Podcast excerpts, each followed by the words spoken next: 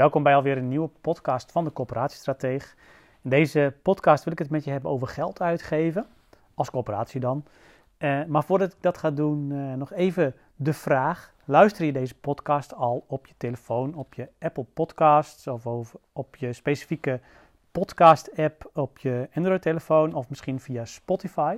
Mocht je dat nog niet doen, ga dan eventjes naar je app die je gebruikt en uh, zoek even op corporatietips dan, uh, dan vind je ons en dan kun je ons, uh, ons uh, blijven volgen.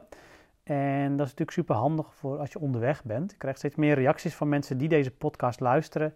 En dat ook heel handig vinden, bijvoorbeeld als ze in de auto onderweg zijn of in het openbaar vervoer. Of als ze ook thuis of als ze even een dood moment hebben. Um, dus ga naar Spotify, Apple Podcasts of je specifieke podcast app op je Android-telefoon. En eh, zoek even op corporatietips en, eh, en volg ons. Uh, vind ik superleuk. En ehm, nou, dan gaan we nu snel door met het onderwerp van vandaag. En dat gaat over het uitgeven van geld.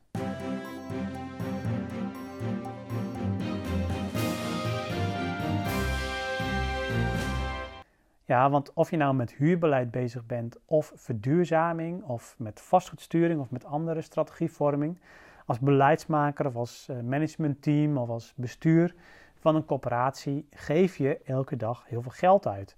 dat kan heel zichtbaar zijn, namelijk in de maatregelen die je neemt. Ja, die kosten natuurlijk eh, geld.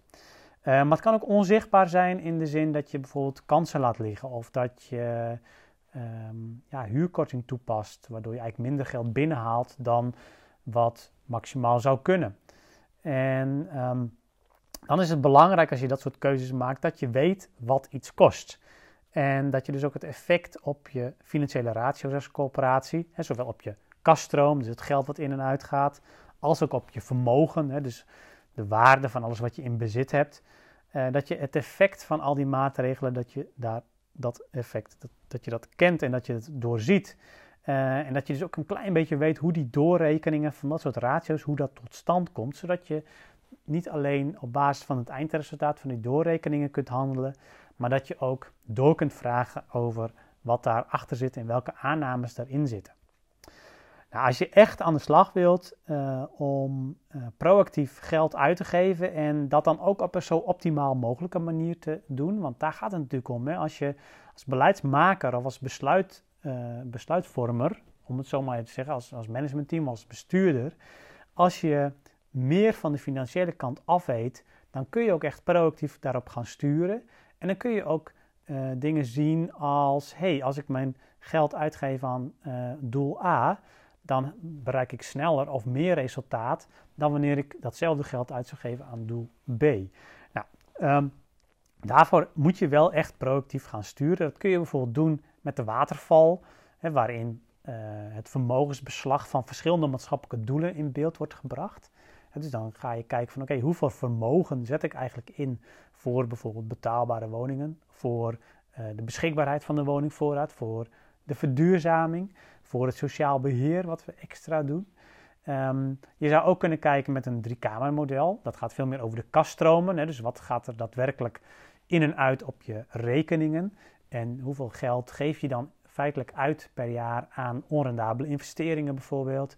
Uh, en hoeveel geld geef je extra uit aan onderhoud? Hoeveel geld loop je mis in feite doordat je lagere huren vraagt dan de markt zou doen? En wat krijg je daar dan voor terug? want dat is een volgende stap eigenlijk om niet alleen te kijken van oké, met bijvoorbeeld een waterval of met een driekamermodel, hoeveel vermogen zet ik in of hoeveel geld geef ik uit aan een bepaald maatschappelijk doel, maar dat je dus ook gaat kijken, oké, wat levert dat dan op?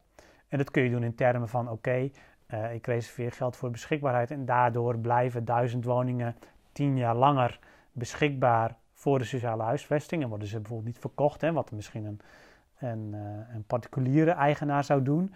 Of uh, nou, de betaalbaarheid voor een x aantal huishoudens die een laag inkomen heeft, wordt gegarandeerd omdat wij een x aantal woningen, dat we daar een lagere huur voor vragen. Um, op die manier kun je dus ook de maatschappelijke effecten in beeld brengen. Op het moment dat je dat naast elkaar zet, Ja, dan kun je ook betere afwegingen maken tussen ga ik nu nog meer geld op betaalbaarheid inzetten of ga ik meer geld op verduurzaming inzetten of ga ik een beetje van beide doen. Nou, als je dat een tijdje volhoudt, dan zorg je er ook voor dat je op een gegeven moment, ehm, als je uit zeg maar, de experimenteerfase bent, dat je dan ook echt andere besluiten gaat nemen.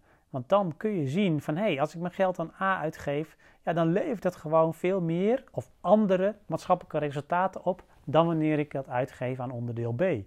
En uh, ja, dan ga je echt merken dat je dus meer maatschappelijk rendement gaat uh, realiseren.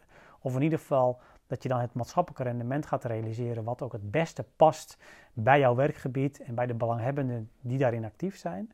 En, uh, en natuurlijk bij je eigen coöperatie en bij je eigen profiel als coöperatie.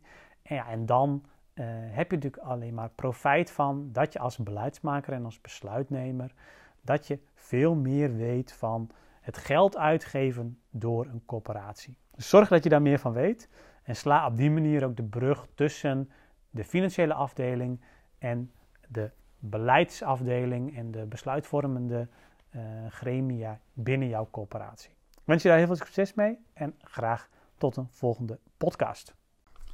Bedankt voor het luisteren naar deze podcast. Wil je nieuwe afleveringen ontvangen? Abonneer je dan op deze podcast.